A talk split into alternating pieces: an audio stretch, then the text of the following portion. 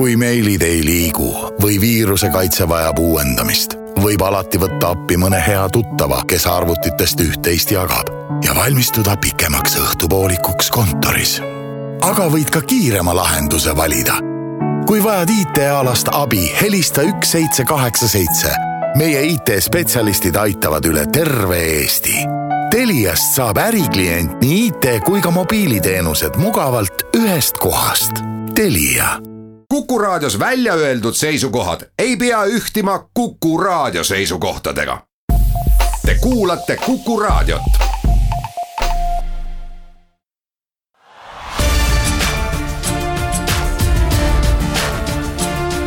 linnaveerand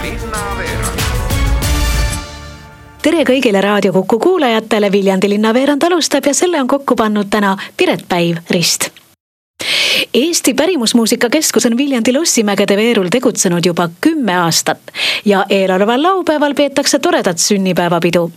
aga kõik sai ju alguse sellest, et nii toonasele Viljandi linnapeale ning ka Pärimusmuusika Keskuse juhile oli silma jäänud Lossimägede veerul olev räämas mõisaait, mis ei olnud eriti ilus vaatepilt ei linnakülalistele ega linlastele endile meenutab toonane Viljandi linnapea Malle Vahtra. ega ait ei kuulunud äh, meile, vaid ait oli eraomanduses ja aidaomanikul olid ka mõtted, et sinna võiks teha hotelli ja restorani ja aga probleem oli temal selles, et äh, temal raha ei olnud äh, ja ega linnal nüüd ka ei olnud raha, linnal pole kunagi raha ülearu, aga probleem oli ja ühel päeval ma mäletan, see oli kaks tuhat neli ilmselt tuli minu kabinetti Ando Kiviberg ja ütles, et temal on idee. Ja siis saidki kokku linna probleem, et vaja on midagi ette võtta laguneva aidaga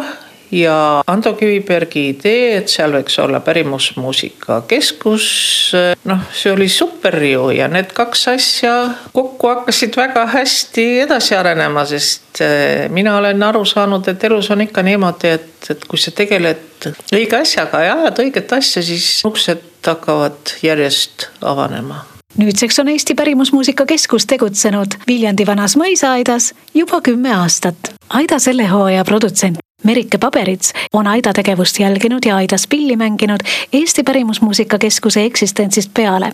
ja ta ütleb, et teda köitis juba algusest peale mitmekesisus, mida pärimusmuusika Ait pakkus. ma käisin ikkagi enamjaolt jah, sellepärast, mida siin pakuti ja erinevad kursused ja õige pea juba hakkasin ka ise õpetama. et jah, nii maja pärast kui ka siis selle maja sisu pärast. kas sisu on muutunud ka? ikka natukene on muutunud, eks siis ajaga peab kaasas käima. töötades siin ma näen, kuidas see muutub kogu aeg. et me pakume nii seda vana tuttavat kindla peale minekut, aga samas peab olema ka kogu aeg selline värskus asjal juures. Eesti Pärimusmuusika Keskuse juht Tarmo Noorma asus keskust juhtima kahe tuhande kolmeteistkümnendal aastal. Aida või keskuse kõige suuremad äh, väärtused, miks siin töötada tahetakse, on loomulikult see missioon. teiseks on see koht, kus me oleme, see Viljandi lossimäed, noh, see on nagu töötingimuste mõttes on väga kihvt ikka. vaatad aknast välja, ühel pool on siin Vallikraav, Kirik ja Vanalinna, teisel pool on metsik loodus lossimägedes. et see on nagu töökeskkonnana väga hea. ja kolmas põhjus ongi see, need töökaaslased, kellega saab koos neid asju teha. palju neid heade asjade, heade pärimusmuusika hoidjaid siin Aidas üldse praegu töötab? meil on äh, töötajaid äh, koos kohvikuga umbes kolmkümmend viis, finantspool, äh, siis on turunduspool ja programmi loomise pool. ja lisaks meil on ju August Pulsti õpistu majas, siis Rahvaülikool ja teabekogu ehk siis maailma ainukene Eesti pärimusmuusikaalane fonotekraamatukogu. et kõik need osakonnad kokku teevadki umbes kolmkümmend viis töötajat. Et selles mõttes on väga kihvt, et just sellist noor ja pulbitsev energia annab tooni missugune võiks olla Eesti Pärimusmuusika Keskuse tulevane areng, ütleme viie aasta jooksul? keskuse kindlasti väljavaade on selline, et, et see pärimusmuusika on nagu harrastustegevusena väga levinud üle Eesti ja meie saame seda toetada sellega, et viies neid äh, artiste siis erinevatesse Eesti kohtadesse või siis korraldades õp-, õpitubasid, kursusi nendel aladel, mida inimesed tahavad õppida ja tuleme sellele huvile vastu mis Eesti rahvas on. kas äh, see, kui Eesti Rahvakultuuri Keskus kolib Viljandisse, kas teie saate endale kõrvale väga hea sõbra? tahaks loota, aga me ei tea ju, mis sellest täpselt kujuneb. meil on nagu vastastikku kasulikke koostöövorme hästi palju. Juba sada nelikümmend aastat on Viljandi maakonnalehte Sakala välja antud. Sakala suurt pidu ette valmistades tegi praegune peatoimetaja Hans Väre aga ühe toreda tähelepaneku Jakobson teadis väga hästi, et ega tasuta ei saa mitte midagi anda ja üritas siis nii tellijate kui ka reklaamiandjate abiga neid kulusid tasa teenida. tegelikult tal küll väga hästi see ei õnnestunud, sellepärast et, et väga paljud tellijad jätsid lihtsalt raha maksmata. E, nii et e, ta lõpetas suurtes võlgades tänu sellele, aga paraku läks jah niimoodi, et, et tema pere ju jäigi ka lehest ilma ja ka vahepeal Kurgjast, Jakobsoni kuulsast talust, mis siis pärast Sakala tellijate suures osas ka korjanduse abil äh, osteti lõpuks perekonnale tagasi. kas see natukene kurb lugu kajastub ka nüüd Viljandi muuseumis avatavas näituses? osalt kajastub, osalt ei kajastu. et äh, näitusele oleme välja pannud näiteks üks minu meelest, üks minu lemmikuid on lauamäng kus saabki siis käia läbi saja neljakümne aasta, vaadata, mida halba, mida head on Sakalaga vahepeal juhtunud, kunas ta on kinni pandud,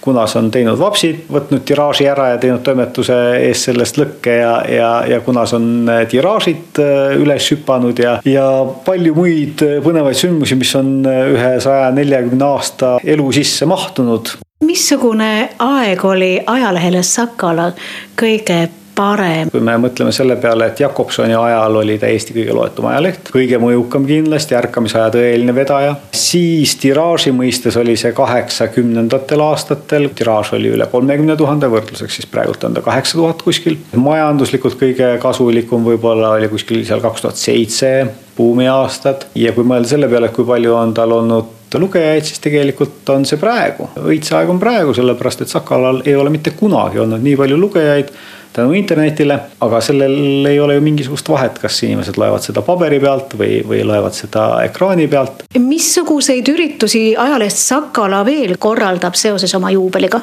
reedel ehk siis kahekümne kolmandal märtsil, kui on meie õige aastapäev, avaldame sellise tummise ja, ja üsna paksu erilehe. Ja laupäeval saab olema selline linnarahvaga kohtumise sündmus äh, kultuuriklubis Vimka, kes ja kuhu ootame kõiki Sakala lugejaid külla, kringlit sööma, ajakirjanikega suhtlema. Ja üheks atraktsiooniks siis, mis me äh, seal kavatseme ette võtta, on selline äraspidine pressikonverents, ehk siis ajakirjanikud saavad olema ise usutletavate rollis ja kutsume kõikvõimalikke selliseid eh, oma tavapäraseid allikaid, kelle poole tavaliselt meie küsimustega pöördume. kutsume enda käest küsimusi küsima. eile avati Viljandis täiskasvanute varjupaik ja seda otse südalinnas ning see on tähtis, sest varem asus varjupaik Viljandi äärelinnas Tümal. varjupaik asub siis Leole tänav kaksteist maja keldrikorrusel täiskasvanute varjupaik kuulub Viljandi päevakeskuse haldusalasse. ja varjupaiga kolm põhiteenust on, et inimene saab ennast puhtaks pesta, öö magada ja toitu valmistada varjupaiga sisustus on väga lihtne. niinimetatud iseteenindavas osas ehk siis köögis on sisustuseks pliit, pesumasin, laud ja toolid. ja siit jätkab Viljandi päevakeskus juhataja Marek Mumm kokku on kakskümmend kohta nii-öelda tavalistes voodites, pluss siis kaks madratsikohta, ehk siis need inimesed, kes oma alkoholijoobest tulenevalt on nii, nii kehvas seisus, et need ei ole võimalik ja ütleme ka võib-olla niisugune hügieeni silma pidades nii kehvas seisus, et need ei ole võimalik tavavooditesse panna. et sisustus on minimalistlik, täispuitmööbel, ruumides voodite arv kaks kuni kolm, öökapid, riiulike, nagi seina peal, põhimõtteliselt ikkagi varjupaik on ju Äh, vältimatu abi korras peavarju võimaldamine, ehk sul peab olema koht, kus soojas magada, ennast pesta ja vajadusel ka süüa, siis see kõik on siin olemas. kui suur on aga vajadus Viljandi taolises linnas täiskasvanute varjupaiga järele? ütleme, mida rohkem korda hoida, sealhulgas ütleme, nõuda sellist äh, enesehügieeni pidamist, äh, ruumide korrashoius osalemist, alkoholi mittetarvitamist koha peal, siis ega see muidugi pigem natukene vähendab nende arvu, kes muidu tuleksid.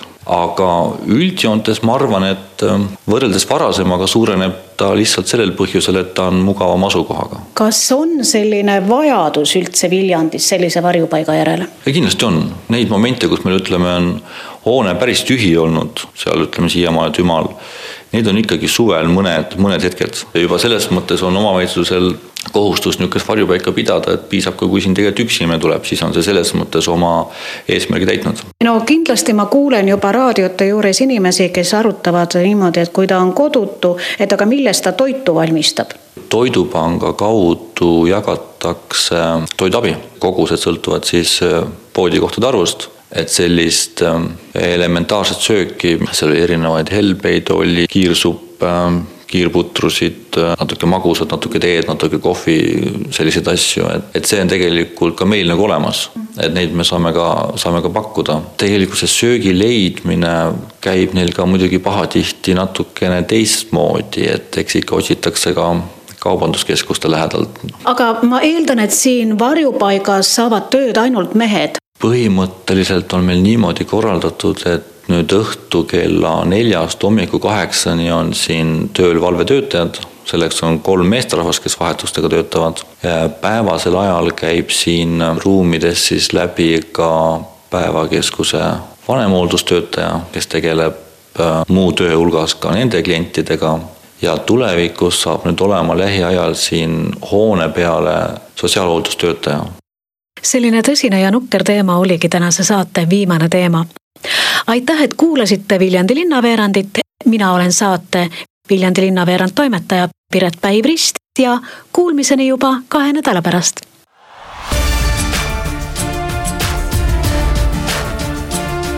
linnaveerand